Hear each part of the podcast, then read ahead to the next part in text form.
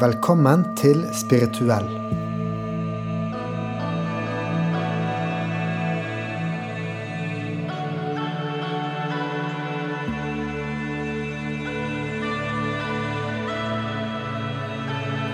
Dette er en podkast som utforsker det å leve et spirituelt liv. Å være spirituell betyr ikke å være gal. Snarere tvert imot. Det handler om å være utforskende og nysgjerrig.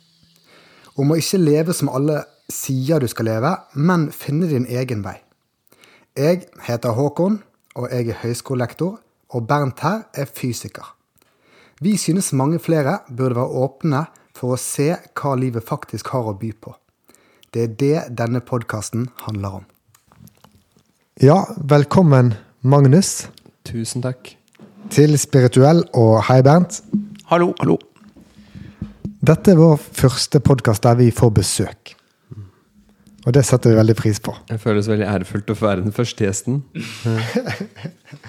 Ja, Vi er rimelig gira nå. ja Vi har drukket kaffe, Ja. te, sprudlevann, fyrt i peisen, og eh, klokken er ikke engang ti. Nei. Vi er så klare som egg. Ja.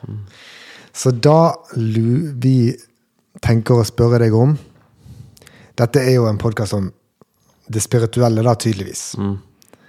Så når startet det for deg? For i mitt liv så startet det i en alder av 34.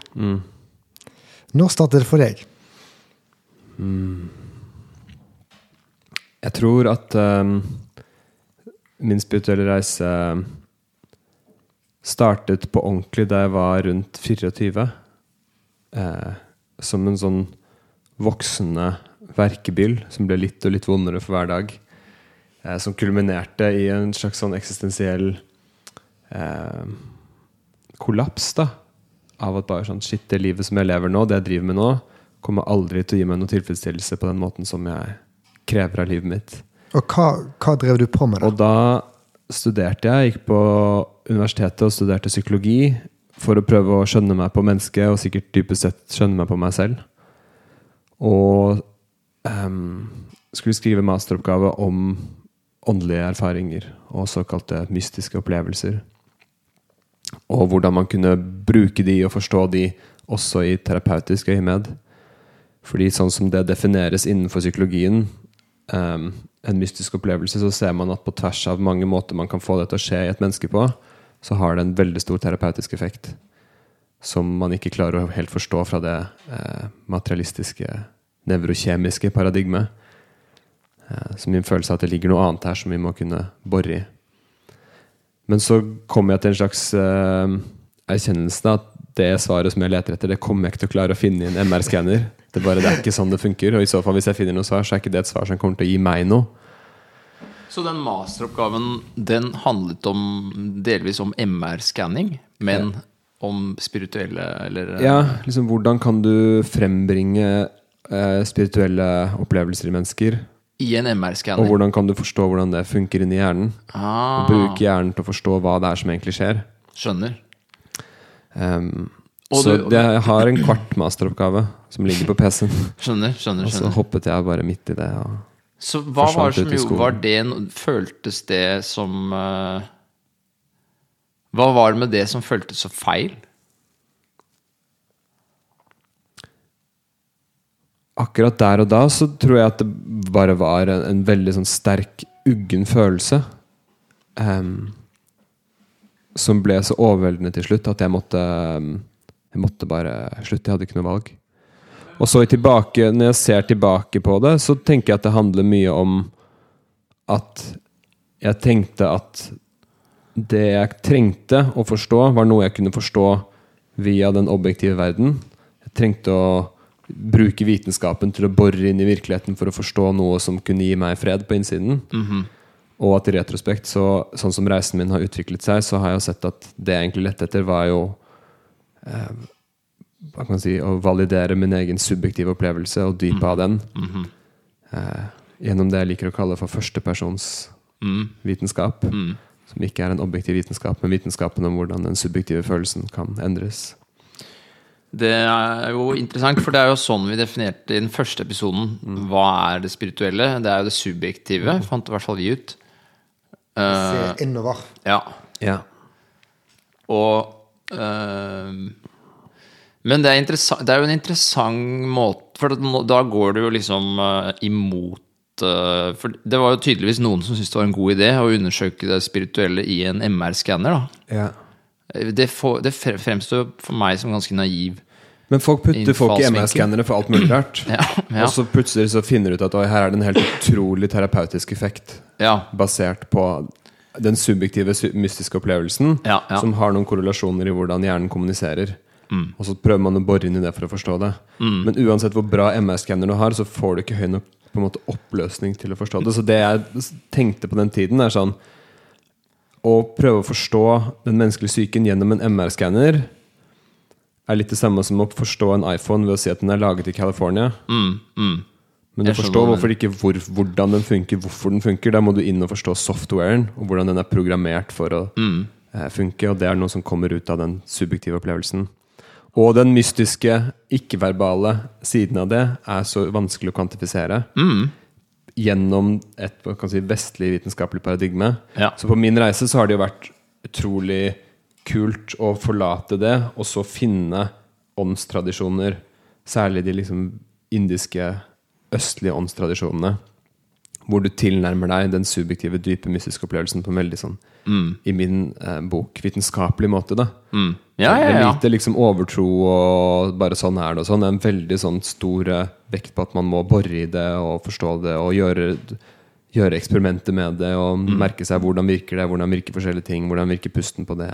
Så i din bok så er det ikke noe Det er ingen eh, Det er ikke noe eh, avstand eller sånn motsetning mot vitenskap og det subjektive. Jeg tror, at, jeg tror at det ligger en slags epistemologisk feilslutning i det, fordi alt som kan oppleves, enten vi kaller det på innsiden eller utsiden, er en del av naturen. Ja. Og alt i naturen kan forstås. Mm. Og den prosessen kan vi kalle for vitenskap. Men det krever en annen type forståelse å forstå dynamikkene i sinnet, og enda dypere enn det, kalle det for sjelen, Mm. enn å forstå dynamikkene i en sånn her eh, Petri-dish som Ja. putter inn et eh, mikroskop. Så det Men jo alt ja. det, til syvende og sist, er fortsatt objekter. Er fort, jeg kan fortsatt ha en objektiv tilnærming til både sjelen min og verden. Mm-hmm. For det er fortsatt noe som jeg erfarer som noe et, En dynamikk i naturen. For det er alltid et steg bak. spørsmål, ja, helt til du kommer til subjektet. Ja. Det innerste, dypeste subjektet. ja, det er ikke et objekt. Men, det jo, men hva er nå det? Og det er jo det er uendelig langt bort, det òg, på en måte. Akkurat som Ja, men det, det, står også utenfor, det er ikke uendelig langt bort, for det står utenfor rom som Ja. dimensjon. skjønner, skjønner allstedsnærværende og uten størrelse. Og i, i de yogiske tradisjonene så kaller man jo det for chit, som ofte er oversatt med bevissthet. Ja, ikke sant. Men bevissthet er jo et norsk ord med veldig mange antakelser rundt seg, som man Ja. må grave i og forstå for at det her skal falle på plass. Mm. Ved å forstå at subjektet kan ikke forstås, det kan bare væres. Det har Exactly. ikke noen egenskaper. Nei. Det er bare en bevitnende Så alt som oppstår, hvis vi kaller Vi kan jo kalle det bevisstheten, da. Eller lerretet, eller hva man skal kalle eller liksom, Ja. alt, Alt som oppstår der, det kan oppleves, og det er objekter. Ja. Ikke sant? Nettopp. Og derfor kan du bruke vitenskap øh, Du kan se på det rent vitenskapelig. Ja. Enig. Jeg skjønner. Men ikke nødvendigvis gjennom en, en, den type empiriske tankegangen Nei. som man forfekter på universitetet. Så det kanskje det jeg kom til. Da, følelsen av sånn Det her er ikke hele sannheten. det er veldig Men det fins mer sannhet her, men jeg må ha en annen tilnærming til det. Det er veldig interessant at du sier det, for jeg har hatt den samme Uh, reisen via en, en fysiker og filosof som heter David Deutsch. Som første gang Som er virkelig vår tids Carl Popper. Han uh, tar opp i seg og tar på alvor Carl Popper. Jeg skal ikke rante om Carl Popper, men, men eh, vitenskap Har du gjort det før? ja, det, men, men vi vil ikke gjøre det akkurat nå. Men kort sagt, vitenskap handler om forklaringer. Ikke og, og empiri er kun Det bruker du bare hvis, du, hvis du har to forklaringsmodeller. Du ønsker å velge, finne ut hvem av de er sannest, sannest eller minst feil, egentlig. Alt du sier, er jo feil. Eh, så bruker du empiri for å velge. Det er, en slags, eh, det er et verktøy Mm. Ja, for å velge mellom forklaringer. Ja. Og så fins det andre verktøy. Ja. Men uh, det er skjedd en kortslutning som Carl Popper prøvde å advare oss mot, og som Mm. David Deutsch også prøver å advare oss mot, særlig i universiteter, mm, om, om at, og i medisin, enda verre. At empiri er vitenskap. Ja. At du kan finne Det er akkurat som folk tror at du kan bare samle masse data, og så dukker det, vokser det ut kunnskap Mm. Ja. som sopp, liksom. Ja. Og det stemmer ikke. Eh, observation is theory-laden, som Carl Popper Dette ble en liten rant, da. Men eh, uh, du kommer ikke til å Du kan ikke se uten at du først har med deg teorier. Nettopp. Sånn at vitenskapen er fundamentalt subjektiv Ja. I utgangspunktet. Ja. Eh, interessant at du fant ut det selv. Ja, i hvert fall etter hvert har jeg funnet ut det. Men som sagt, du spurte om, om hva jeg skjønte der og da, og da var det bare en sånn gigantisk klump i magen. liksom Ja, bare sånn, det, ja. Jeg vet ikke hva som skjer, men jeg må bare Jeg må bare slutte på det her.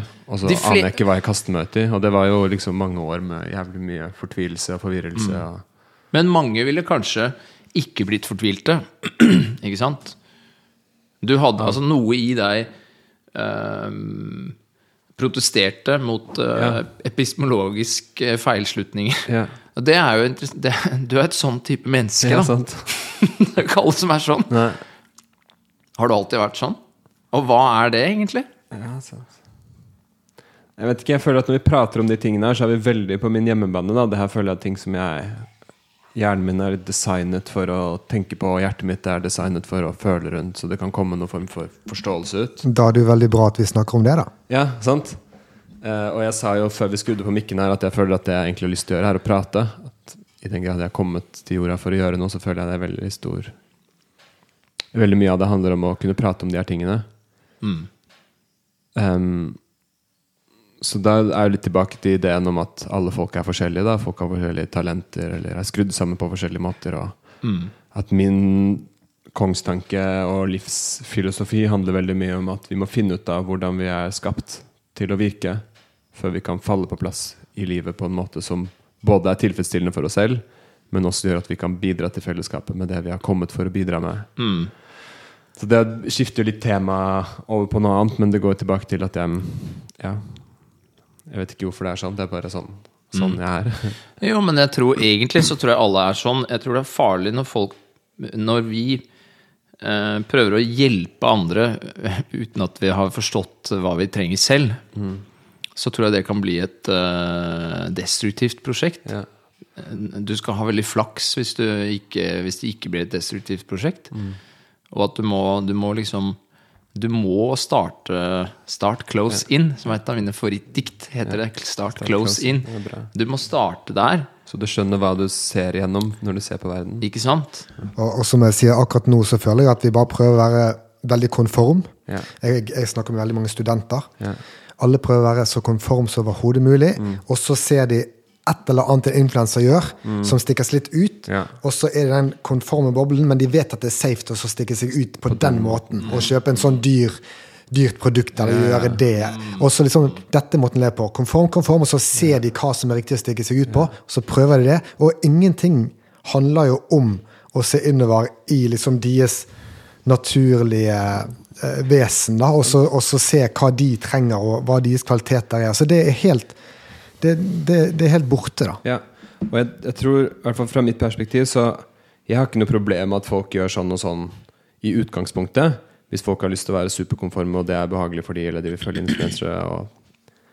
Mitt poeng i denne debatten er at fra det jeg tror på, det jeg har erfart, og det jeg har eksperimentert med, så er det å gå på bekostning med seg selv på de her måtene grobrunn for em, mistrivsel og sykdom av alle slag. Og det gir veldig mening hvis vi er skapt til å være på én måte, og vi prøver å være på en annen måte, så er det som å tro at en Ferrari er en traktor, og så kjøre rundt på åkeren med den. Eller det motsatte, tro at en traktor er en Ferrari og kjøre fort på den på motorveien. For folk er designa for å være forskjellige, og hvis du lever liksom Ja. ja. så er det som å slure på giret over mange år. da Og det det gjør med oss, basert på hva slags tanker vi putter inn i hodet, hva slags stressnivåer vi utsetter oss for. Um, det er um, Jeg jobber jo også som terapeut og har mye én-til-én møter. Og jeg føler at de fleste som kommer til meg, kommer liksom med konsekvensene av å ha levd på kant med den de er veldig lenge. Med Da. indre friksjon Og det ender jo ofte med at de møter veggen, liksom. At de får et system som er helt frynsete og brent ut. Så det er ikke liksom normativt sånn folk burde være sånn. Nei. Det er mer sånn ja, omtanken sånn Du har ikke noe valg, egentlig. ja, liksom, Hvis du vil ha helse, da. Jeg tenker at det er et bra sted å starte. Ja. Med seg, apropos med seg selv, for ikke gjøre det så abstrakt at det bare handler om det spirituelle. Men det handler om liksom meg. Hvordan kan jeg falle på plass og ha et godt liv? Ja. Med god helse, fysisk helse, psykisk helse, emosjonell helse. Og hvordan kan jeg virke i verden fra det stedet? Eh, kontra fra et sted som dere sier er liksom basert på et konglomerat av idealer jeg har bare plukket fra folk jeg syns ser kule ut, eller som får masse Ja, bekreftelse. ikke sant? For er det, er det, er det liksom konge Den store feilen? At uh, istedenfor å lytte til hva vi selv trenger, så laster vi ned en eller annen sjablong, og så prøver vi å trenge det? Jeg tror i hvert fall at det er, det er veldig mye lidelse som kommer i den veien. Og veldig mye unødvendig arbeid og ting og tang. Og der igjen kommer vi tilbake til det snakket vi om før podkasten, men jeg hører på Elon Musk prate, så, jeg, så stiller jeg meg selv ofte spørsmål liksom, hvem er det du prøver å få bekreftelse av? Hvem er det du trenger validering av? Og så prater han om sin fraværende far, og så tenker jeg liksom, ok, her er det noe Kanskje det er noen mønstre her, da. Med en fyr som bare er så sinnssykt ambisiøs med alt han gjør. Ligg unna, Magnus. Og både Ikke det er ikke at Bernt er en stor fan av Elon Musk. Og det er, det er ikke noe galt i det. jeg, jeg synes det- veldig synd på han, men som jeg sa, på, han får utrette på ti minutter, og andre får utrette på ti år. Og let him roll. Det er veldig Det er, det er litt sånn småondt av meg. For jeg ser jo Jeg ser det du ser, at han lider jo og liksom vil jo bare ha anerkjennelse. Men jeg tror han er god innerst inne, og at det kommer fra et godt sted. Og mye tror av det er min, bra. I min verden så er alle gode innerst inne. Jo, du, det, det, er, det er jeg helt enig med deg i. Men det kan Så godt bruke et annet eksempel. da Vi kan bruke det samme eksempelet om Trump òg, da. Jeg Eller Putin. eller sånn, Det er mer folk, som, kanskje. folk som Hele det her gamet, det her dominansgamet, fikse verden, kontrollere verden, ordne verden Mm. Det er et veldig hyklersk spill mot en natur som er veldig intelligent og har en slags plan som ikke vi forstår. Mm. Som baserer seg på naturens lover. Og så har vi kommet inn her som sånn her eh, ja, Tror at vi er noen guder da som vi ikke helt er. Mm. Og konsekvensen av det er jo liksom en planet som er drevet til randen av kollaps. Mhm. Og ekstremt mye eh, dystre utsikter hva angår helse, da, når det kommer til mental helse. Det er i hvert fall helt sikkert. Jeg tror jorda klarer seg helt fint. Jeg tror kanskje vi, vi er litt uh, uh, dystopisk og apokalyptisk an uh, hva gjelder, hva, gjelder hvor, hva vi gjør med jorda, men hva vi gjør med oss, oss selv, Ja. Der er jeg helt enig med deg. Der, jo hardere vi jobber eh, med å løse materielle problemer, jo vondere får vi det, virker det som. Mennesket har noen fysiske behov, noen sosiale behov, noen mentale behov og noen åndelige behov. Og folk som vokser opp i vår kultur, får nesten ikke dekket noen av de åndelige behovene sine. Nei. Så de sitter med en veldig stor sult inni seg. Men fordi vi ikke vet at vi egentlig trenger liksom sjelelig påfyll, så prøver vi å fylle det tomrommet med teknologi. Ja. Vi kaster mer og mer teknologi på bålet for å prøve å liksom Er det snart mulig Tinder. å komme til det stedet hvor det er sånn Ah, yes, nå ble det endelig Ble tilfredsstilt, liksom. Hva hadde skjedd med Elon Musk hvis han en dag hadde blitt dypt tilfredsstilt? Jeg tør ikke tenke Nei, du tør ikke tenke tanken. Da kommer vi ikke til Mars med det første. Neida. Men Så, så, så der er det liksom noe å, å prate om, tenker jeg. Som jeg ikke trenger å komme fra et sånt perspektiv av sånn Alle må begynne å be, skjønner Nei, nei, nei. Bare sånn, Er det her noe vi kan prate om? Er det her noe som resonnerer for folk? Og hvis de gjør det, hvordan kan vi være sammen på en måte hvor vi kan begynne å fylle det tomrommet? Mm. Og jeg har jo opplevd i mitt liv eh, tilstander av ekstrem ekstase av å plutselig føle at det rommet er fylt. Mm, Mm, Og så kommet ut av det med sånn Shit, det her må bare alle få lov til å være med på. Ja. Og etter mange år med å prøve å gjøre det på forskjellige måter, så har jeg liksom landet på det som var eh, grunnen til at de møttes. Bare sånn, Ta med folk i skogen, Ja. sett dem ved en elv, ikke fortell dem noe. Bare si sånn Sitt her en time, og så møtes vi etterpå, så snakker skal vi vi snakke litt om det, eller? La de oppleve det selv istedenfor at du prøver å Ja, så ord. det er, det er liksom ikke ord. kommuniserbart. Det er en Nei. ikke sant, Sånn som åndelighet har vært så lenge, eller spiritualitet, er at noen prestene eller de som vet det, forteller folk hva som er sannheten. Ja. Eh, og det har jo vært liksom problematisk av mange grunner, og det trenger vi ikke gå inn på, men jeg tenker at jeg trenger ikke å lære folk om åndelighet. Jeg trenger å lære folk å være åndelige. Og så får de finne ut av sin åndelighet selv, Fordi der igjen så er folk forskjellige, og folk trenger forskjellige ting. Det er en veldig dyp erkjennelse der, tror jeg. Altså, åndelighet er jo Det er jo kroppslig. Det er jo en praksis. Ja. Spiritualitet er en praksis. Ja. Og du kan starte der. Du trenger ikke å starte med ordene eller hva, hva er det du skal oppleve. Ja. Eh, er det feilen eh, organisert religion gjorde? For de har jo ritualene, du har liksom det du skal be og, og sånt noe, men, men ble det er, hvor, for, hvor, er, hvor er kirken liksom i Det virker som den er veldig utilstrekkelig hva gjelder dette her. da. Jeg tror den feilen som menneskene gjør, og som vi fortsetter å gjøre nå, er at vi outsourcer eh, liksom de dypere svarene og sannheten om livet til noe utenfor oss selv. Og det gjorde vi lenge til kirkene, og så på et eller annet tidspunkt så begynte vi å gjøre det til vitenskapen. Ja. Og fortsatt så er det en eller annen eh, autoritet utenfor oss selv som skal gi oss svaret om hva som er trygt, og hva som er riktig, og hva som er sant. Og det betyr ikke at vi skal slutte å lytte til det, men det betyr at igjen det tomrommet som folk går og bærer på, eller den gnagingen, den kan bare fylles på innsiden av et Ja. puslespill man setter sammen selv, inni seg selv. Um,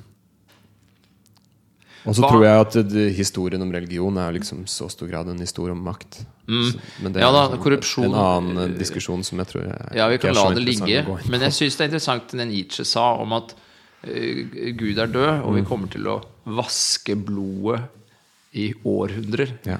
Ikke sant? Han, og hva er det han snakket om? Jeg tror han snakket om Nå rø- røska vi noe som ja, det var utilstrekkelig og korrupt, men det lå faktisk i hullet, Ja. og fylte det hullet. Ja. Plopp, så Ja. er det ute. Ja. Nå blir det tomt her inne. Ja. Hva gjør vi nå? Ja. Politikken ble religionen vår. Ja. Ikke sant? Og så begynte bare blodet å renne i gatene Ja. veldig presist innsikt han hadde, da. Og Ja. vi har den samme, eller høres ut som du har hatt den samme innsikten. Hva er Hvordan føles den tomheten? Det er jo ikke sikkert folk vet at det er det de føler. Nei. Hvordan, hvordan, hva, hva, hvordan føltes det for deg? tror det, jeg tror det var en slags sånn varig utilfredshet. Og de gangene jeg følte meg tilfreds, så var det ved å liksom virkelig jobbe med å gire opp en eller annen bra fest og danse og ruse meg og spise en kebab. Og bare sånn Yes, nå, wow, nå lever jeg, liksom. Og så neste morgen så bare ah, Ok, nå var det borte. Eh, da var det kanskje egentlig ikke Jeg fikk egentlig ikke hansket jeg liksom ble, Fikk ikke tatt hånd om den utilfredsheten. Um, og så tror jeg dypere sett at det, det var en slags eh, engstelighet. Da. Dyp, dyp eksistensiell engstelighet som for det meste da var ubevisst. Om liksom sånn Hvem er jeg? Hva er dette for noe? Hva skjer når jeg dør? Hva, hva, er, hva er jeg med på? Hva? Ja, litt som en sånn vond drøm, liksom. Man skjønner ikke helt hva som skjer. Og så har man gjennom et langt liv tilnærmet seg mange måter å cope med det på som uh, funker ganske bra inntil et visst punkt, hvor det bare plutselig ikke monner lenger. da Og det er nesten som jo mer man slenger på av, av ved på det bålet, jo verre blir det. Ja, så fester og kebber og Ja. Ja. Og jeg hadde jo Som jeg sier Jeg ler litt av meg selv, da, fordi jeg erkjenner jo at liksom på et globalt plan så er jeg jo eh, ufattelig privilegert. Jeg har vokst opp i liksom en veldig emosjonelt stabil og etter norske standarder til og med rik familie på vestkanten i Oslo. Hatt en kjempefin barndom med skiturer og venner og alt mulig rart. Masse frihet. Og så fort jeg ble voksen, så ble jeg deprimert. liksom. Det er et tegn. Og full av angst. Så en side av det som jeg tenker at uh, er liksom sånn her Hva skjer med han? Bortskjemt, liksom. Måtte bare face livet. Og jeg tror en del av det også er liksom riktig, men en annen del av det er også sånn Det jeg hadde, var så lite av det et menneske trenger. Ja. Og når jeg har reist på mine reiser til India eller Indonesia, hvor jeg har møtt mennesker som har ikke noe penger og ikke noe hus, men har sin connection til jorda og til stjernene, da, hvis vi vil si det, eller til Gud, intakt i en kultur, så kan jeg se på de og si at liksom, jeg har gjerne mye penger, men målt opp mot de, så lever jeg liksom dyp fattigdom på det åndelige planet. Det der høres ut som en opplevelse som virkelig setter det perspektiv Altså, det glemmer du jo ikke. Nei. Du føler du, du, du Det er umulig Hvis du føler deg engstelig og deprimert på innsiden, og så møter du et annet menneske som åpenbart ikke er det, som er fri, men som har ingen av de materielle godene du har Det har Særlig en fyr som jeg ble kjent med i India. Eh, som var en del av et lite tempel hvor vi var hver morgen og var med på liksom, ritualene. Vi var hjemme hos han, han hadde liksom ingenting. Men han var så tilfreds og på plass og raus og liksom Helt sånn helgennivå på han. Han hadde bare, Siden det var varmt der han bodde, så hadde han bare liksom den her eh, sarin som han hadde rundt seg. Hadde han sånn energifelt rundt seg også, som mange snakker om. Um, det jeg husker, er liksom øynene hans. da Noen øyne som ikke trenger å se bort eller noe, for at de, de, den lurer ikke på noe. da Den, er ikke, den har ikke den der ah, Hvor er døra, liksom? Kan jeg når som helst stikke? Og fra det så var det en sånn utrolig varme og kjærlighet. Og det inter- interessante i dette eh, konteksten at det aspektet av Gud som den sekten tilba, er aspektet av destruksjon og død og, og eh, ødeleggelse. det, Kan du gjenta det, det der Så det aspektet som han Så i, i, i, India så anerkjenner du at det guddommelige har jo uendelige navn og aspekter knyttet til seg. Så de som tilber Krishna, f.eks., de tilber ofte da det aspektet av Gud som handler om hengivelse og kjærlighet. De som eh, tilber Altså har det forskjellige ting, da. Så akkurat denne sekten tilber et aspekt av Shiva som er ansvarlig for destruksjon, død, ødeleggelse og alt som handler om at det som har blitt skapt, har kommet til en ende og skal på en eller annen måte absorberes tilbake inn i det umanifeste. hva, Og hva mener du med 'tilber', egentlig, da? Hva, hva, hva, vil det si da, sånn psykologisk så da er, sett? sånn igjen sånn epistemologisk er deres forståelse, som igjen i min forståelse er veldig vitenskapelig, at Mhm. i universet så er det åpenbart at ting som eksisterer, kommer til en slutt. Ja. Og da ødelegges de. Ja. Og det som skjer med de da, er på en eller annen måte at de, de blir ikke borte. De går tilbake i en syklus hvor de kan skapes igjen.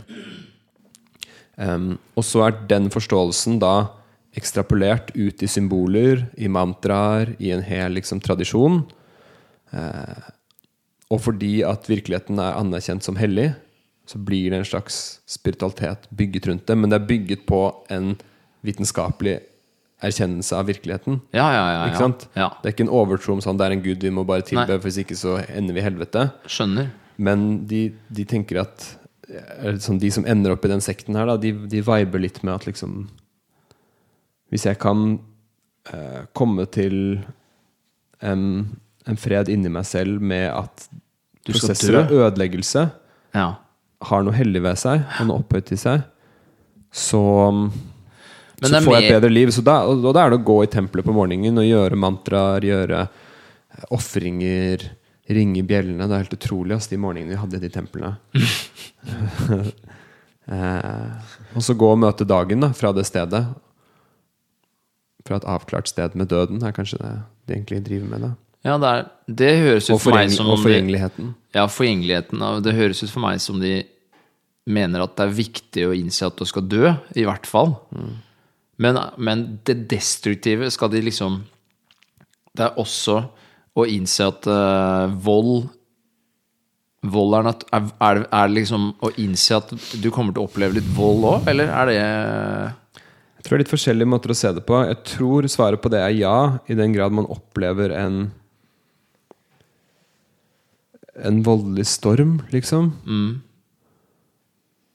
Men det er også en dyp anerkjennelse av at, at naturen i seg selv har noen destruktive krefter som også kan virke i mennesker. Men hvis mennesker har et avklart forhold til det, så kan det på en måte kanaliseres og sublimeres for en indre prosess av eh, destruksjon av sine egne tilkortkommenheter, dårlige tan tankemønstre, dårlige for å kjempe imot det, så lar du volden Ja, på en måte sant? måte det. skylle så en som er voldelig mot et annet menneske, har jo et slags, kanskje et ubevisst forhold til det, mens yogiene, som jo har ofte Shiva som sin eh, gud eller sitt symbol de jobber mot, Mm. gjør det fordi at de anerkjenner at jeg har masse på innsiden som Mm. jeg trenger å destruere for at det skal bli mer plass, og også at jeg kan få nye byggeklosser til å bygge noe nytt. Mhm. Så, det, så den her, eh, trans, det er egentlig transformasjonens kraft. da Ja, ja, ja. Like så mye som at det er eh, destruksjonens kraft. Skjønner, skjønner, når vi snakker skjønner. om noe som er sånn å, det er destruktivt, Mhm. så ville de kanskje mer kalt det for uh, ignoranse, liksom. Ja, eller kanskje at altså, vi tenker på destruktiv som et uh, negativt lada ord. ja. Men hvorfor det, det er ikke sikkert det er det. Nei, det er i hvert fall å si at, at, natur, at det fins ting i naturen som ikke er som de burde være. Mm. Det fins prosess, kosmiske prosesser som helst burde vært annerledes. Ja, exactly. Og kan vi lage en altså. løsning for det, liksom? Kan vi fikse opp i det? Og I går så hadde jeg en opplevelse hvor jeg satt i skogen. Vi skal kanskje komme tilbake på det her, men jeg ble kjent med dere gjennom at vi var i skogen sammen. Og Så satt jeg i skogen og så satt jeg og så på alle bladene. Jeg har et sted jeg går til hvor jeg har et alter, som er en flat stein. Som jeg ikke gjør noe med. Jeg bare går dit og så liksom møter jeg opp til det alteret som naturen har lagd for den dagen. Og i går var det veldig mye gule blader på det alteret. Og så satt jeg og følte på liksom at nå er vi inne i høsten, og høsten er destruksjonens tid. Det er liksom det som har, sesongen har brakt med seg, skal ned til jorda og ødelegges komposteres, sånn at det kan vokse frem noe nytt neste år. Og så sa jeg til de jeg var sammen med, at da jeg så det i naturen, så ble jeg bevisst på at jeg tror at vår kultur er veldig opptatt av noe nytt. Det hele tiden hvordan kan vi skape noe nytt, hvordan kan vi skape noe nytt, uten å ha så mye bevissthet på at liksom, hvis noe nytt skal komme, så må vi også gi slipp på noe. Det som er klart å gi slipp på. Og det krever en prosess av transformasjon og destruksjon, men som trenger et avklart forhold til døden. Fordi vi har et så vanskelig forhold til døden og ting som blir ferdige, så ender vi opp med å bare skape mer og mer og mer, og mer uten å se at det er masse av de tingene vi har, som egentlig ikke har en rolle lenger, da, som Nei. trenger en høst. Og som har vært fine. Det har vært fine blomster på sommeren, men nå er det pollinert, og da er det på tide å liksom legge seg ned. Ja, ja. Så kanskje istedenfor å skape noe nytt, at vi skulle ta, menneskeheten skulle tatt sånn ti sabbatår, for vi bare liksom kvitter oss med ting og gamle epistemologier og, Og la det teknologier. destruktive øh, komme, og ikke være så redd for det. Ja, Akseptere tror jeg er et viktig ja, ord, da. Altså, jeg føler jo at vi eh, i vår kultur aksepterer jo ikke eh, alt som Altså, vi, vi aksepterer ikke noe som er vondt, nesten. nei. Altså hvis et uh, barn er sint, så nå går du i skammekroken helt til du er normal igjen. Ja. Sant? Det, er liksom, det, det, det skal ikke engang eh, vises at Ja. noen er sint, eller noe sånt. Det er feil. Ja. Og, og, men når noe destruktivt skjer med en person i livet sitt, da, Mm. så er det jo veldig ofte sånn at det førte med seg noe nytt, som f.eks. Ja. neste vår. Eh, og, og det Jeg tror det Jeg får også tenke på dette her, men jeg tror du er veldig inne på det der med din reise, og eh, også der i India. At, at det, her har de virkelig skjønt dette her, da. At, eh, at de er ikke redd lenger. De, de aksepterer opp- og nedturer og, og eh, omfavner det. da. Og det er, jeg tror det er et veldig godt poeng. Men det er ikke helt presis at de ikke er redde, for de ser også på redselen som noe naturlig. Så de tillater seg å være redd. Ja. Men de ser ikke på at det her er ikke sånn Det, er, det her er sånn det ikke burde være. Så vi må lage en teknologi eller en medisin eller noe for å fikse at naturen er destruktiv. Fordi naturen er hellig. Naturen er moren deres. Det er noe som de legger seg ned på og ber til. Det er ikke sånn at å, nå kommer snart naturen nærmere, og nå må vi utvikle nye vaksiner eller nye fartøy. Eller.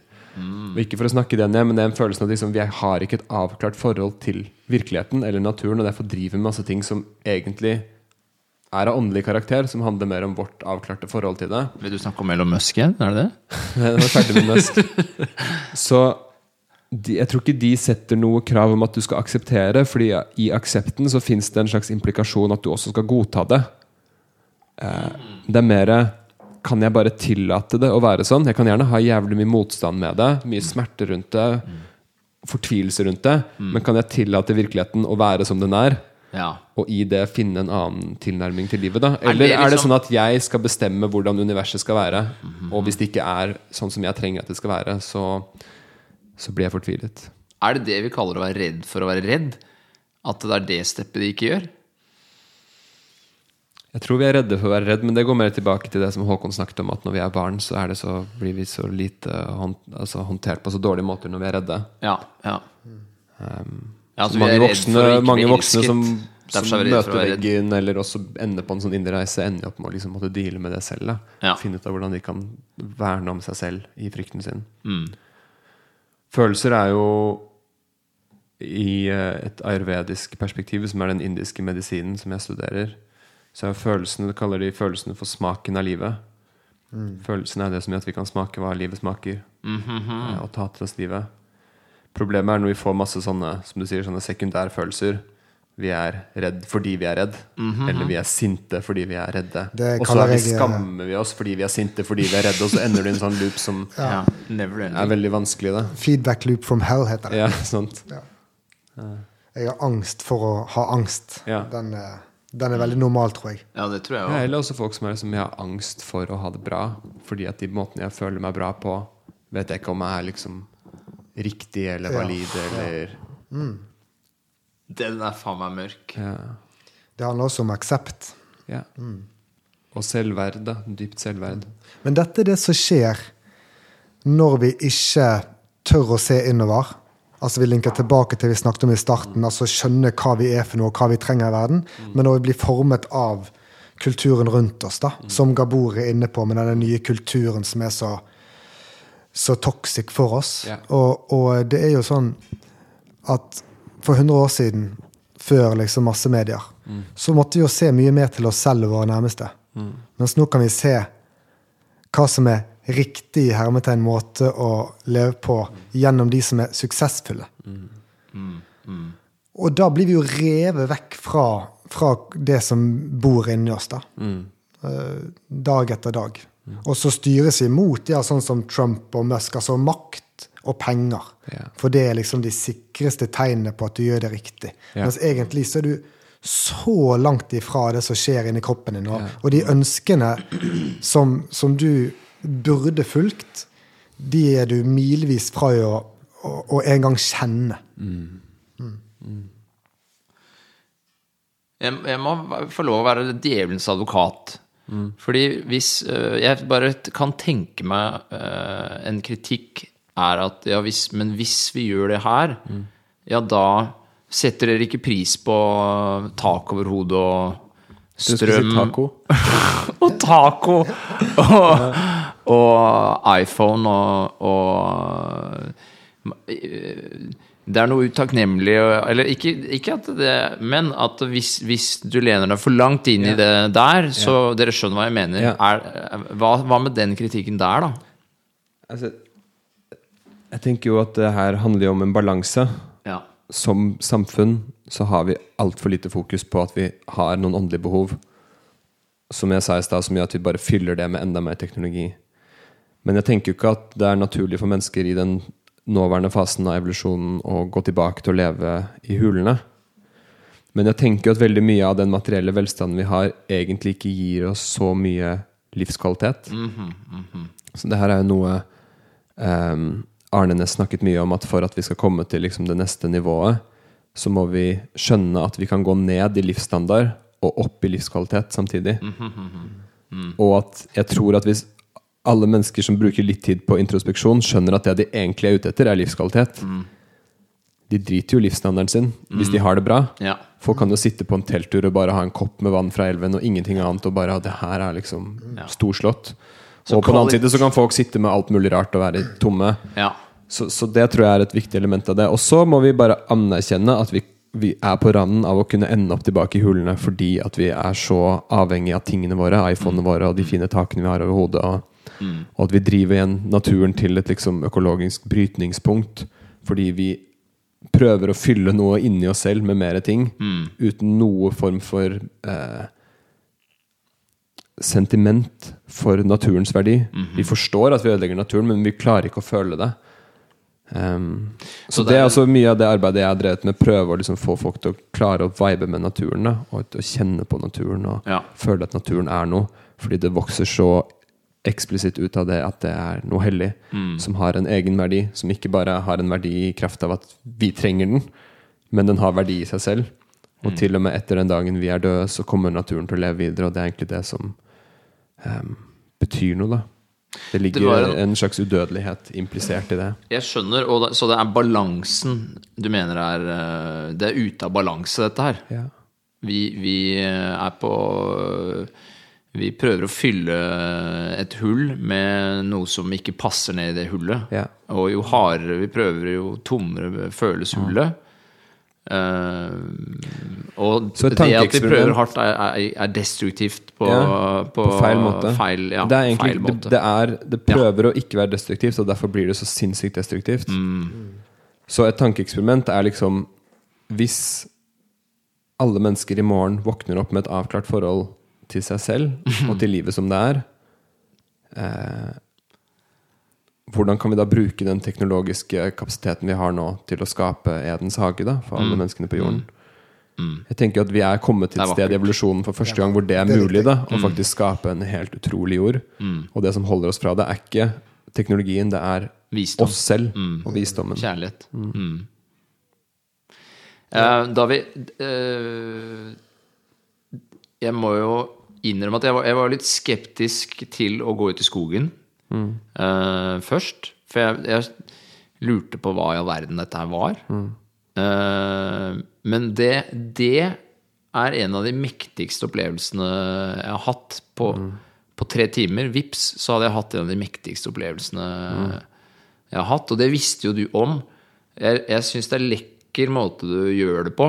I at du ikke si, Du sier ikke det, liksom. Det er ikke det du sier. Her, det var det du sa, som jeg Magnus har prøvd å si det før, det funket ikke.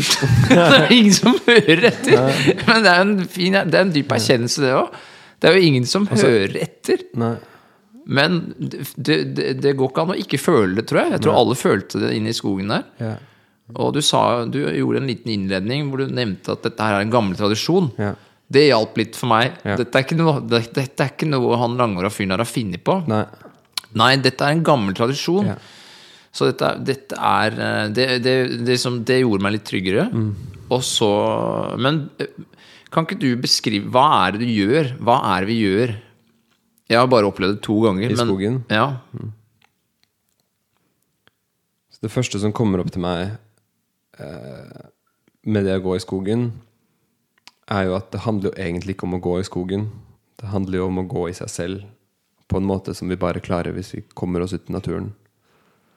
Så en ting jeg ofte sier om den skogpraksisen, at det handler ikke om å gå, om å gå ut i naturen, det handler om å la naturen komme inn i seg.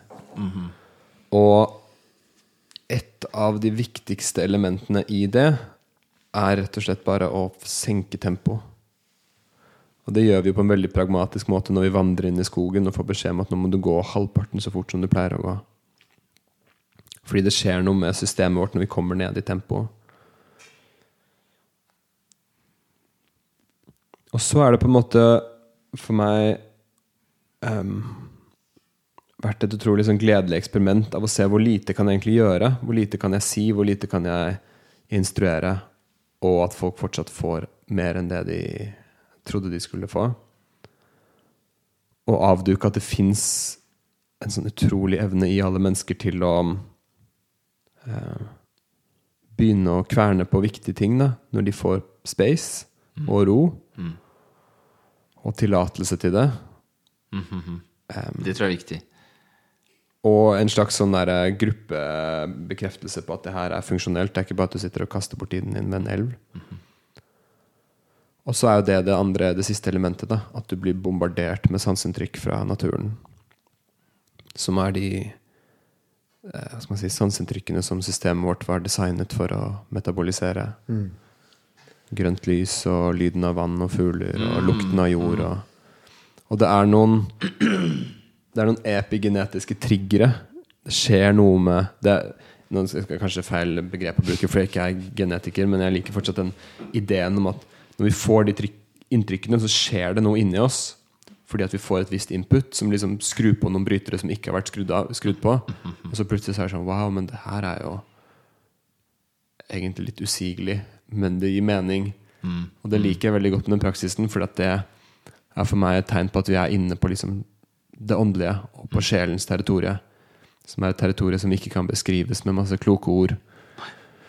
Men best liksom ved vet ikke, poesi og mytologi og ting som er veldig tvetydig og vanskelig å forstå, men som liksom trigger en sånn følelse inni deg. Sånn, Oi, her var det noe. Det er jeg nysgjerrig på. Og det at jeg sier så lite og prøver å gi så lite forståelse, gjør også at det er en slags idé bak det at jeg prøver å hente frem inni folk deres indre evne til å bearbeide tvetydig informasjon, vanskelig informasjon, emosjonell informasjon, intuitiv informasjon.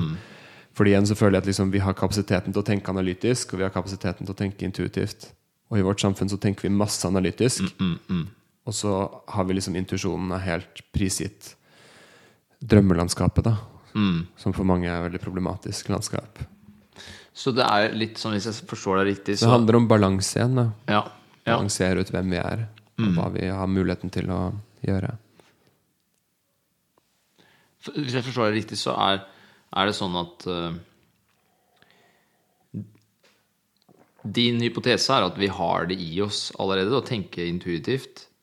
Det, så din, din, din jobb er ikke å fortelle folk at de skal gjøre det, men å hjelpe dem til å roe ned og skru av ting.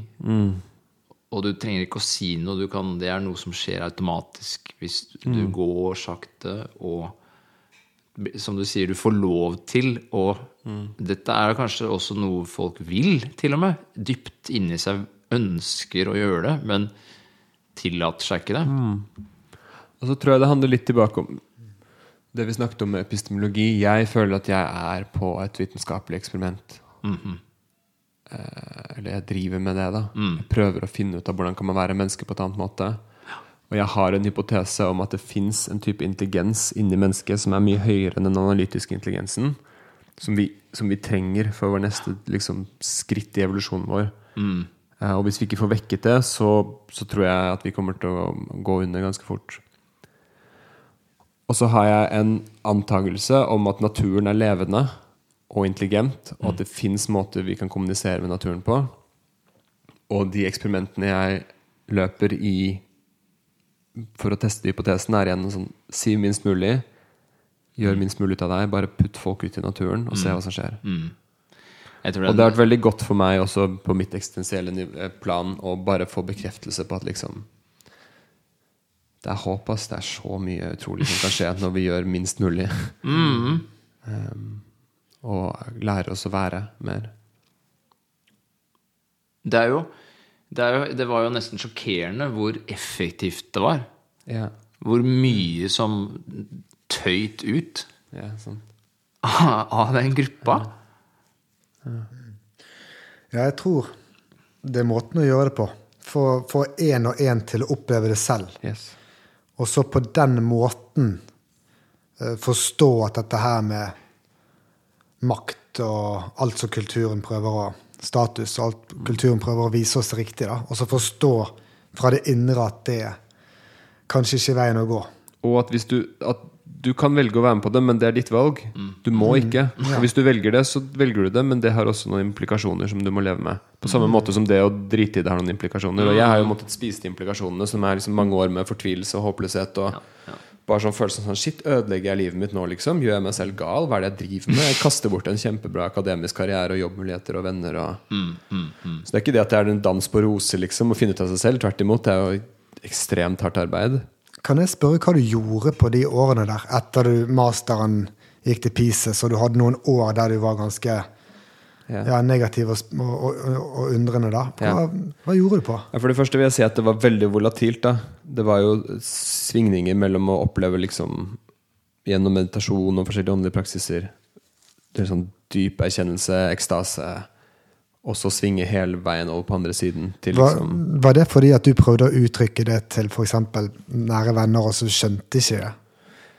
Nei, for jeg var heldig å møte folk ganske fort som jeg kunne være med, som skjønte det. Okay. Jeg tror det dypest sett handlet om at eh, hele liksom personlighetsstrukturen min gikk i oppløsning. Og hele verdensbildet mitt gikk i oppløsning. Og det som var igjen, var bare liksom et eksistensielt tomrom. Da. Og hvor problematisk det er for et vesen å leve i et så tomt sted.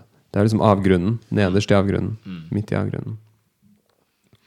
Men da jeg slutta på skolen, så var det en periode hvor jeg var veldig interessert i matlaging. Så den høsten så startet jeg en cateringbedrift. Så de første årene etter jeg sluttet, så drev jeg med catering. Sånn super high end catering, hvor vi gjorde pop-up-ting med sånn 25 retter og supereksperimentelt. Og veldig mye med spiselige vekster og ting fra naturen. Så mye av den tiden etter jeg sluttet på skolen, gikk med på å bare henge i naturen og sitte i skogen og plukke ting og smake på ting. Og så der ble den der ideen om liksom naturkontakten veldig næret. Så holdt jeg på med det en stund mens jeg liksom simultant gikk dypere og dypere inn i det åndelige. Em, jeg fikk et barn i samme perioden, som tok mye plass. Og så var det ca. to år der hvor jeg ikke gjorde noe særlig. Og jeg var for liksom, svak og forvirra til å klare å gjøre noe. Eh, så da var det mye bare sånn ligge under et tre og fortvile. Ligge på sofaen og fortvile. Gå på butikken og kjøpe mat, og så komme hjem og legge meg på teppet og føles som at jeg har putta fingeren i en strømkontakt. Og så Det, det høres ut som det er Dark Night of the Soul, eller hva det heter. Ja, det er virkelig det. Altså. Ja. Det er en død, da. Det er det det er. En Ja, apokalypse, du, liksom. Du må gjerne utdype det, altså. Ja.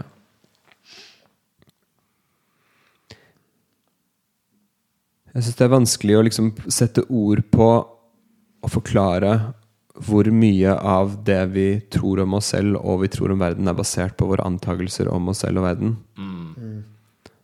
Og at fra et, både et åndelig nivå perspektiv, og fra et metafysisk perspektiv, og fra et kvantefysisk perspektiv, så er ikke virkeligheten noe. Det er bare en drøm, en, en tom idé.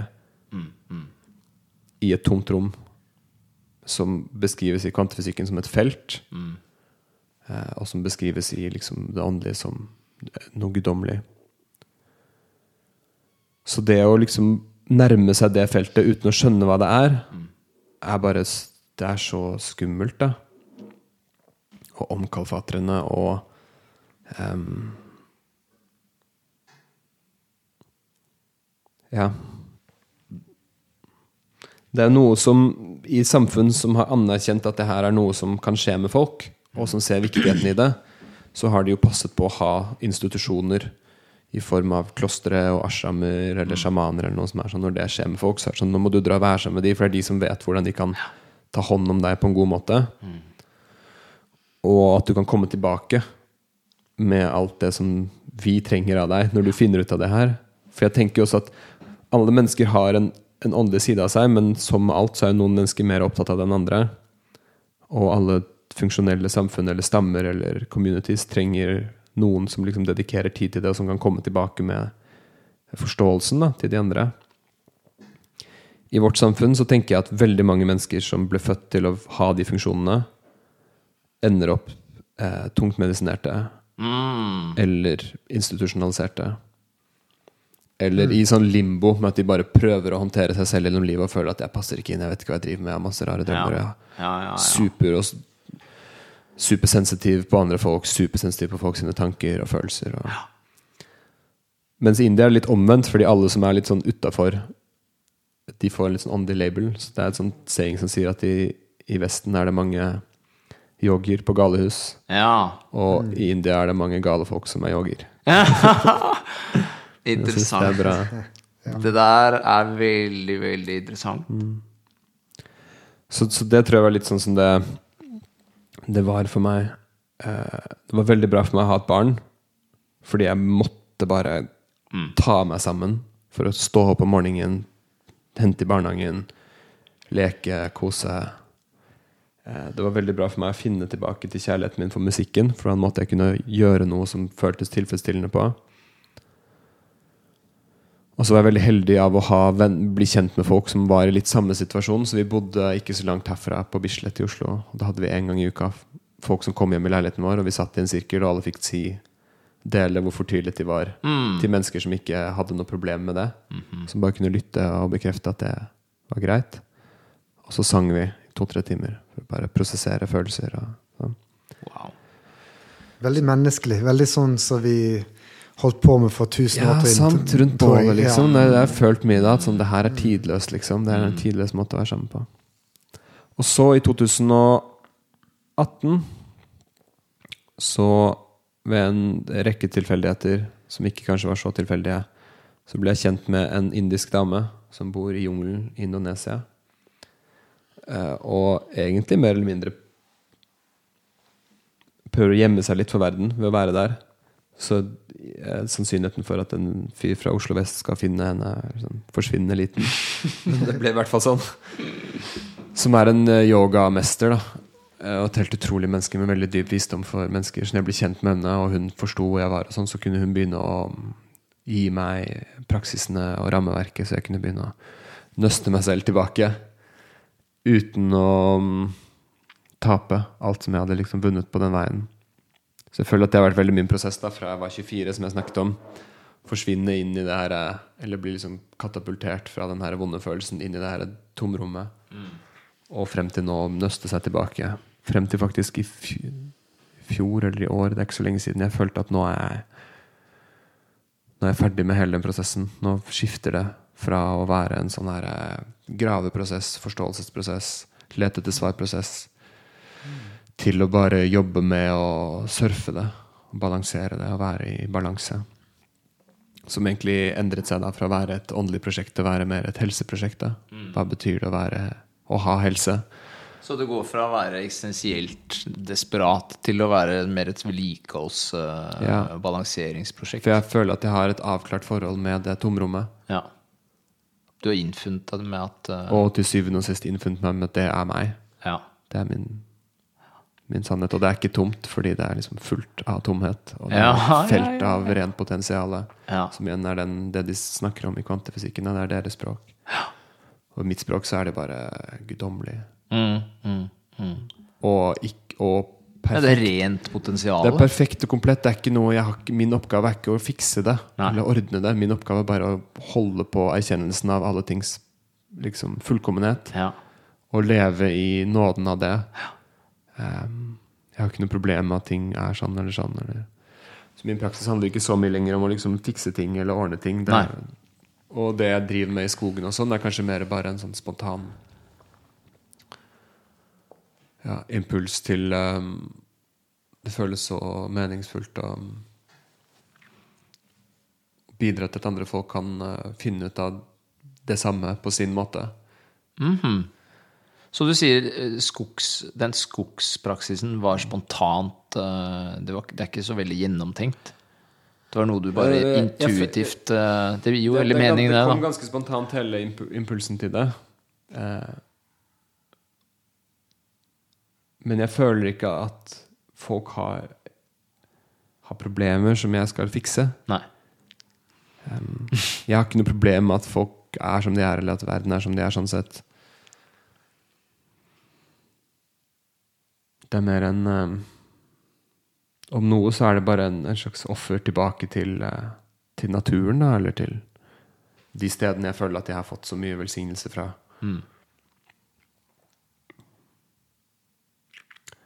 Og det samme går for Jeg driver jo med mye sånn pustepraksis som går litt i samme ånden. da Ikke fortelle folk så mye, bare få dem til å legge seg ned på gulvet og puste, og så kan vi heller prate om etterpå hva de opplevde, og finne for felles forståelse for det.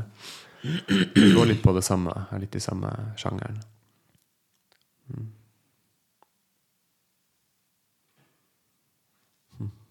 Ja. Jeg har sikkert 100 000 spørsmål, jeg. Men uh, da er det veldig vanskelig å begynne en plass. Um, du oppsummerte egentlig ganske fint uh, på slutten der. Jeg lurer litt på Det virker som dere to er veldig innforstått med ordet balanse, men jeg tror ikke jeg helt forstår det ordet i denne konteksten.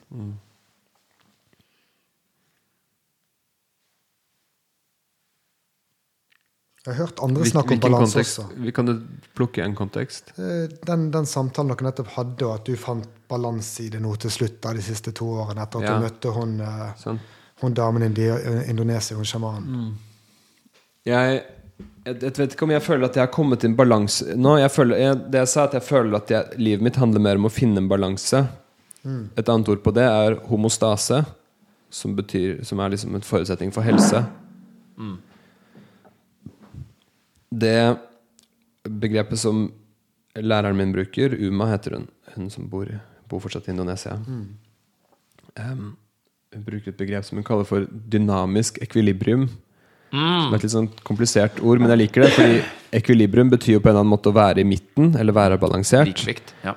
Men verden endrer seg hele tiden, så det må være en dynamikk i det. Det må være en bevegelse, og du må liksom, hvert øyeblikk er nytt, så du må hele tiden være påpasselig med hvordan du eventuelt kan falle ut av balansen.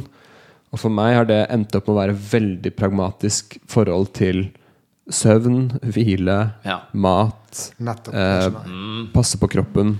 Behandle seg Og selv som veldig hund, mye kaller jeg av det. det ja, okay. Veldig mye av det jeg før trodde jeg trengte å finne ut av på den åndelige veien, endte jeg på med å skjønne at symptomene på det var ting jeg kunne ordne på, med å være veldig pragmatisk med livsstilen min. Ja, ja, ja. Og igjen bare prøve å forstå hvordan er det naturen har skapt meg for å være.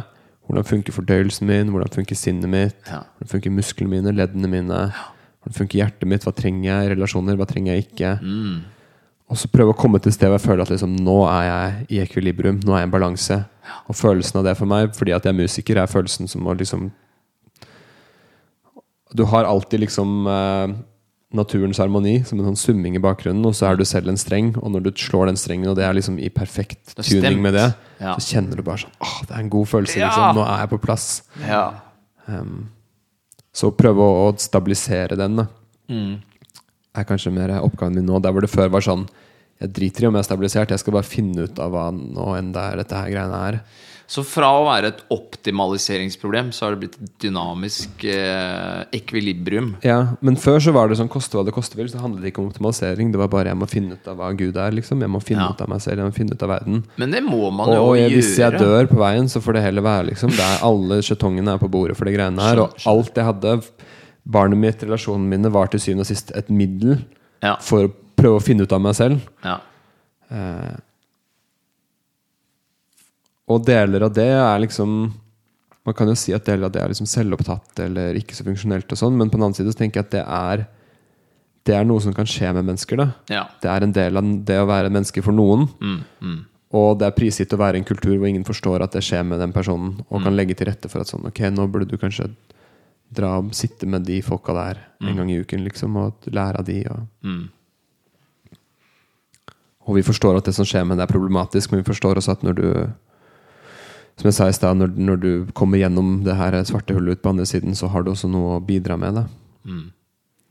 Jeg tror Jeg det er viktig for oss å gjenetablere en, den forståelsen i kulturen at de som har sinnene og hjertene og kroppene til å gnage på de tingene her, får gjort det, sånn at de kan fòre de andre med ja, At det de finner ut, er allmenngyldig. Ja. Vi, er, vi er likere enn vi tror. ja. Og vi trenger alle å spise og sove og, og, og trene og mm. føle oss øh, nyttige. Og det, vi, det er, det er mange, veldig mange som de sier, pragmatiske Ja. ting som du trenger, som ikke er Det føles ikke så spirituelt, øh, kanskje, men viktig å få. Og det kan nesten automatiseres også. Ja. Det er, ikke, det er ikke nødvendig å tenke så mye. Eller, uh, du trenger ikke å finne ut hver eneste kveld at du må legge deg. Det fins en lovmessighet i det. Det er det jeg kanskje vender tilbake til. At det her er naturens lover. Naturen er levende, intelligent, og vi Mm. er en del av den. Og hvorfor ikke liksom surfe med det og finne Surfe ut av det, det. og være med det? Stemme og så kjenne på sånn. Wow, det er så sinnssykt meningsfullt og føles så godt. Hvorfor driver vi ikke med det? Mm -hmm. uh, og så er det også en anerkjennelse av at folk er likere enn man tror, men hver person er også forskjellig. Sure, det er også sure. man kommer tilbake til liksom, hva er det som funker for meg. Og det er der det var så kult for meg å møte Uma, fordi hun er en liksom mystiker, og man kan kalle henne sjaman. Hennes ord på det er liksom tantra. Hun driver med tradisjonell tantra, ritualer og den biten der. Som er en helt utrolig vitenskap. eh, Mm. Åndsvitenskap.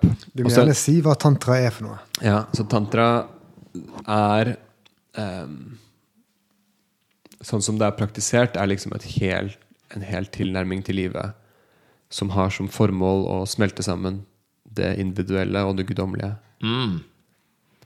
Så det er en, det er en åndstradisjon, men som er veldig pragmatisk anlagt. Den prøver ikke å lære bort ting ved å fortelle folk hva som er sannheten, men ved å gi folk verktøyene til hvordan de kan finne ut av den sannheten selv.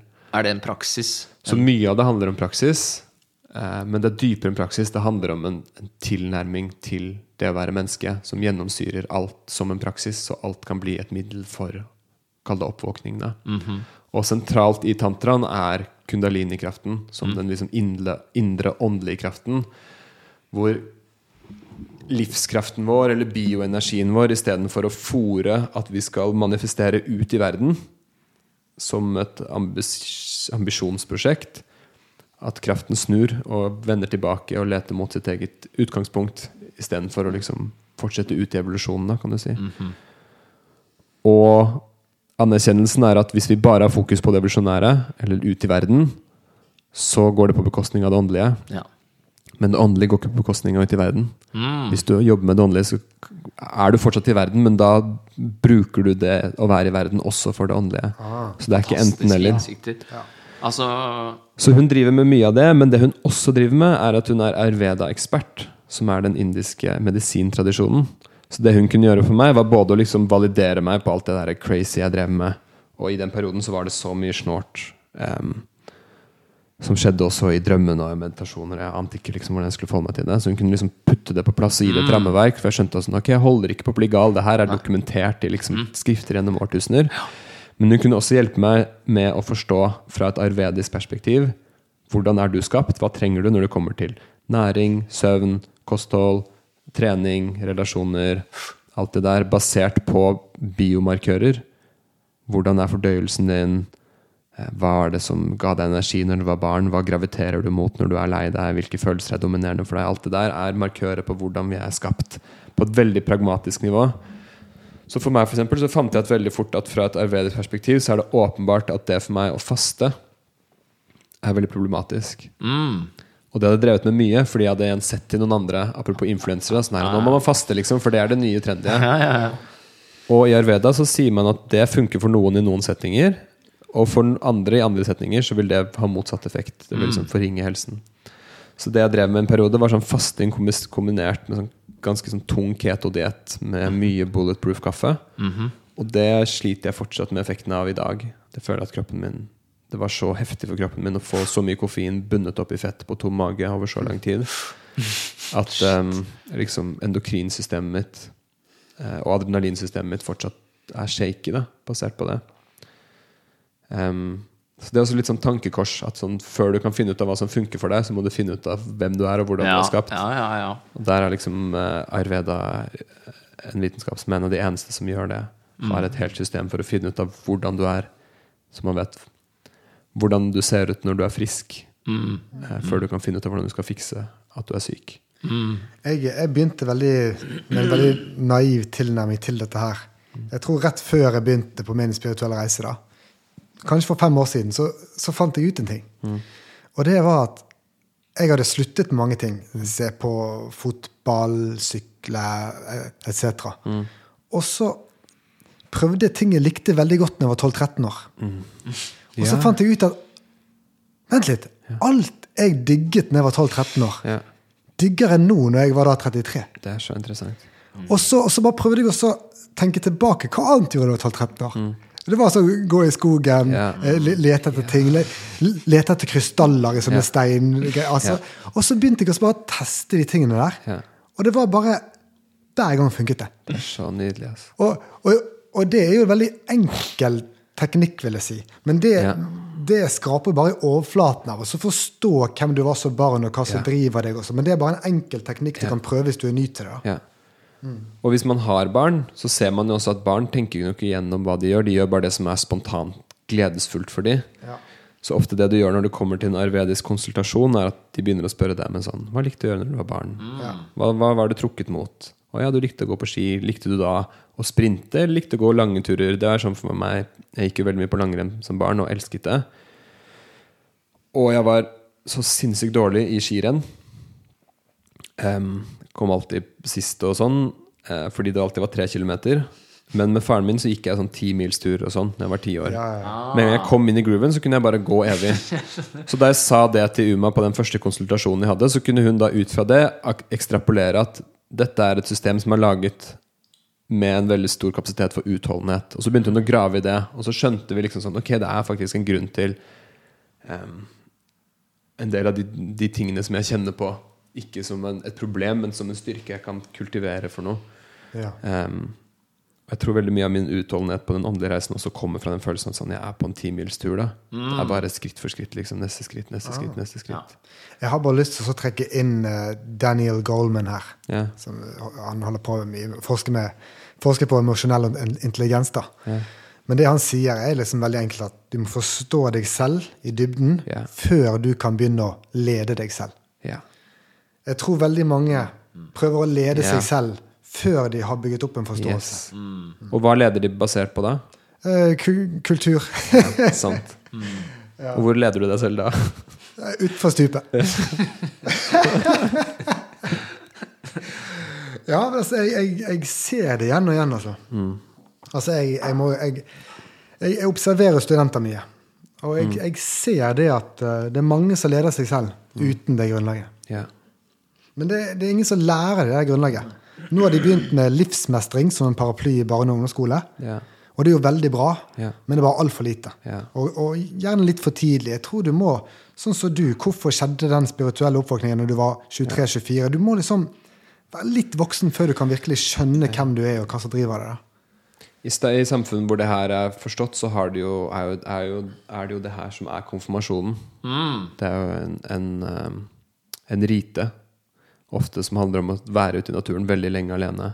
Vært i, i Kenya, og der har de i, Det er litt senere enn konfirmasjonsalder, da. Det er litt mer sånn rundt den tiden vi går i militæret i Norge. Så blir du en slags sånn kriger som lever i naturen i ett eller to år i strekk. Mye alene. Og du har ingenting. Du har bare et lendeklede rundt magen og et spyd. Og det var så rått når man går rundt der, så går du rundt i, i, i landskapet, og så går du plutselig forbi en stokk som har litt sånn rød maling på seg. Og det er fordi at de, de um, fletter håret sitt til sånne dreads-lignende ting som de farger rødt. Og så når de legger seg for å sove på kvelden, så legger de seg bare og sover på en stokk. Og så må du da sove med ett øye åpent, da, for det er jo løver og ting og tang og sånn. Men så kan man stille seg spørsmålet Apropos selvledelse Når du kommer tilbake fra de to årene og er 20 liksom Hva slags menneske møter Eller hva slags Det er bare for menn da I dette tilfellet. Hva slags mann møter opp som da For å være en del av et samfunn? Jeg synes det er et, et bra spørsmål å stille oss Og apropos det er mange som spør meg liksom, Hva er galt med samfunnet vårt? Men da er det en ting jeg kommer tilbake til At folk har ikke lært å bli voksne For de har ikke blitt Nei, putta alene ut i naturen lenge nok Og, det har jeg tenkt og det på. så her komme tilbake og lagt seg inn i sjamanens tipi og blitt herja med liksom i tre uker. Og så kommet ut og bare Ok, nå er jeg ristet av med barn, barndommen min. Exactly. og det her, Og det dette år. Det Og det meste av det handler om å bryte ned den egoistiske forståelsen. Og bli kverna på naturen til du forstår at jeg er en del av naturen og jeg er en del av Gud. Ja. Og det er på en eller annen måte det å bli voksen. da Så Der igjen kommer vi tilbake til folk som Trump og Putin og de her folka. Mm. følelsen er sånn Ok, det der er voksne mennesker med mm, på sin måte masse intelligens og sånn, men på et annet nivå så er de fem år, liksom. Mm, veldig umodne. De hadde trengt liksom ti dager alene i Sibiria uten klær og bare Ja, jeg ville si at det, det er her dette taket over hodet er en hemsko. da. Ja, det, det at vi har det taket over hodet. Og så, så vil jeg si en ting til om det taket over hodet. La oss si for noen tusen år siden. Da levde vi jo mye mer i nuet fordi vi måtte leve mye mer i nuet. Så dette hullet som vi snakker om i dag, la oss si 2022, da, er det bare at vi har mer tid alene uten å bekymre oss for noe, uten å så måtte bruke vårt sanseapparat til å fikse ting eller være observant. Altså, vi har tid til å bare sitte da i en varm leilighet, liksom.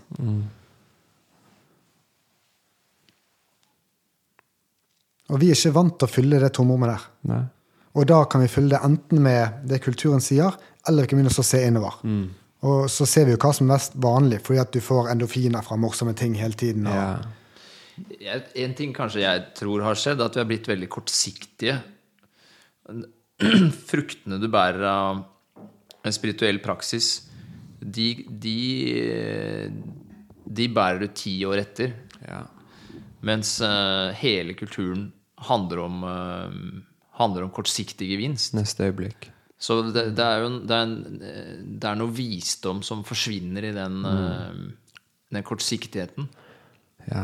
Og vi har også mistet perspektivet bakover. Vi har liksom en slags um, Hva heter det? Sånn hukommelsestap. Bare liksom Ja. gårsdagen og alt bakover. Ja. Så i den ånden så føler jeg også at det er liksom på sin plass å si Nå føler jeg at vi Det er jo en kritikk da av noe som er veldig kritikkverdig.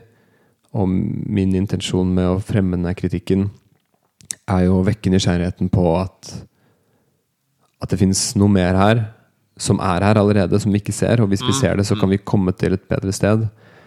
Men jeg føler også at jeg har, et, jeg har ikke noe problemer med at vi er her hvor vi er nå. Og når jeg ser tilbake de lange linjene, og jeg har nettopp hatt en ganske sånn ydmykende opplevelse av det selv ved å bruke veldig mye tid på å liksom pønske på eh, forfedrene mine. Besteforeldre, oldeforeldre, hvem de var, og hvor de kom fra. sånn. Og føle at liksom det at vi har kommet oss dit hvor vi har kommet oss nå som et dyr på en stein gjennom Ja. universet, det tyder også på noe genialt. da. Og, og opphøyet, og, og det er helt utrolig. Og det er mer følelsen at liksom Nå står vi på kanten av et stupebrett, som jeg sa, hvor vi kan potensielt liksom stupe inn i um, Ja I en sånn gullalder, da. Mm. Vi har teknologien, vi har alt som ligger til rette. Vi har forstått nok av naturen til at vi kan rense vannet vårt og dyrke mat i alle. Mm. Og det som eh, liksom står igjen, er liksom den siste brikken Mm. som handler om oss selv.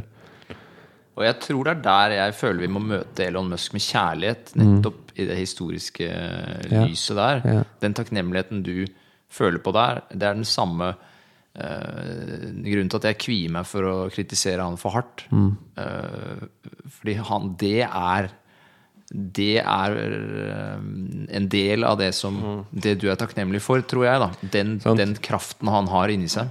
Og min kritikk av han er kanskje mer følelsen av sånn Jeg håper ikke folk unngår å jobbe med seg selv, for de tenker sånn her Ja, men snart skal vi til Mars, liksom. Så han fikser oss. Han kan fikse det. Hvis ikke jeg får Ja. komme med på det flyet, da kan jeg få de Metaverse-brillene til. Zuckerberg, liksom. Jeg syns det var godt det du sa tidligere, at et av problemene er at vi outsourcer eh, Ja. det, alle problemene våre. Og det fins ett problem vi ikke kan outsource, og det er den eh, spirituelle og indre reisen vår. Som alle må Du må finne ut hvem du er, og hva du trenger. Og i kontekst av Elon Musk så er et annet problem du ikke kan outsource, er døden. Ja. Så det er også liksom, Hvis vi har et avklart forhold til det, ja. vil vi da være de som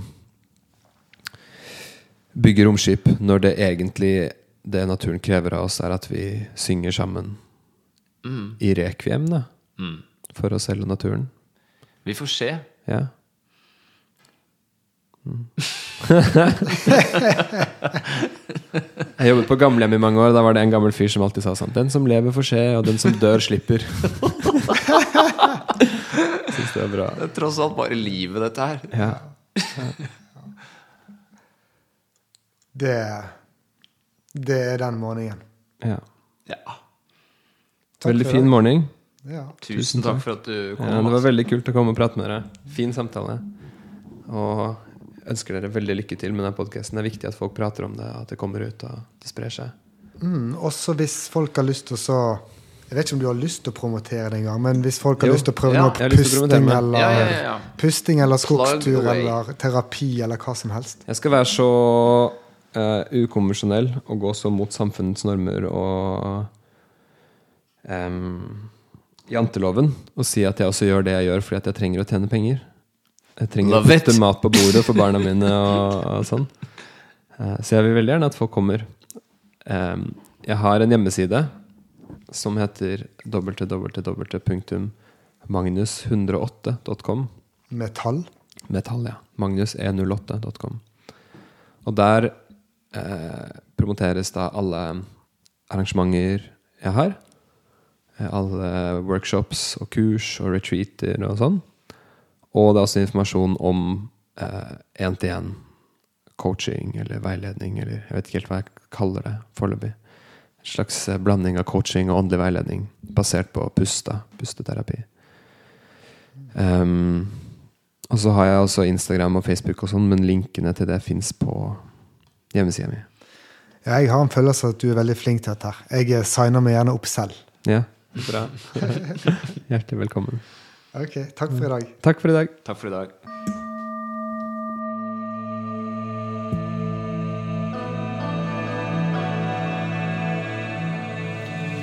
Takk for at du lyttet til Spirituell. Hvis du likte det, ja, så følg oss. Og gjerne snakk om det til en som betyr noe for deg. Ha en fin dag.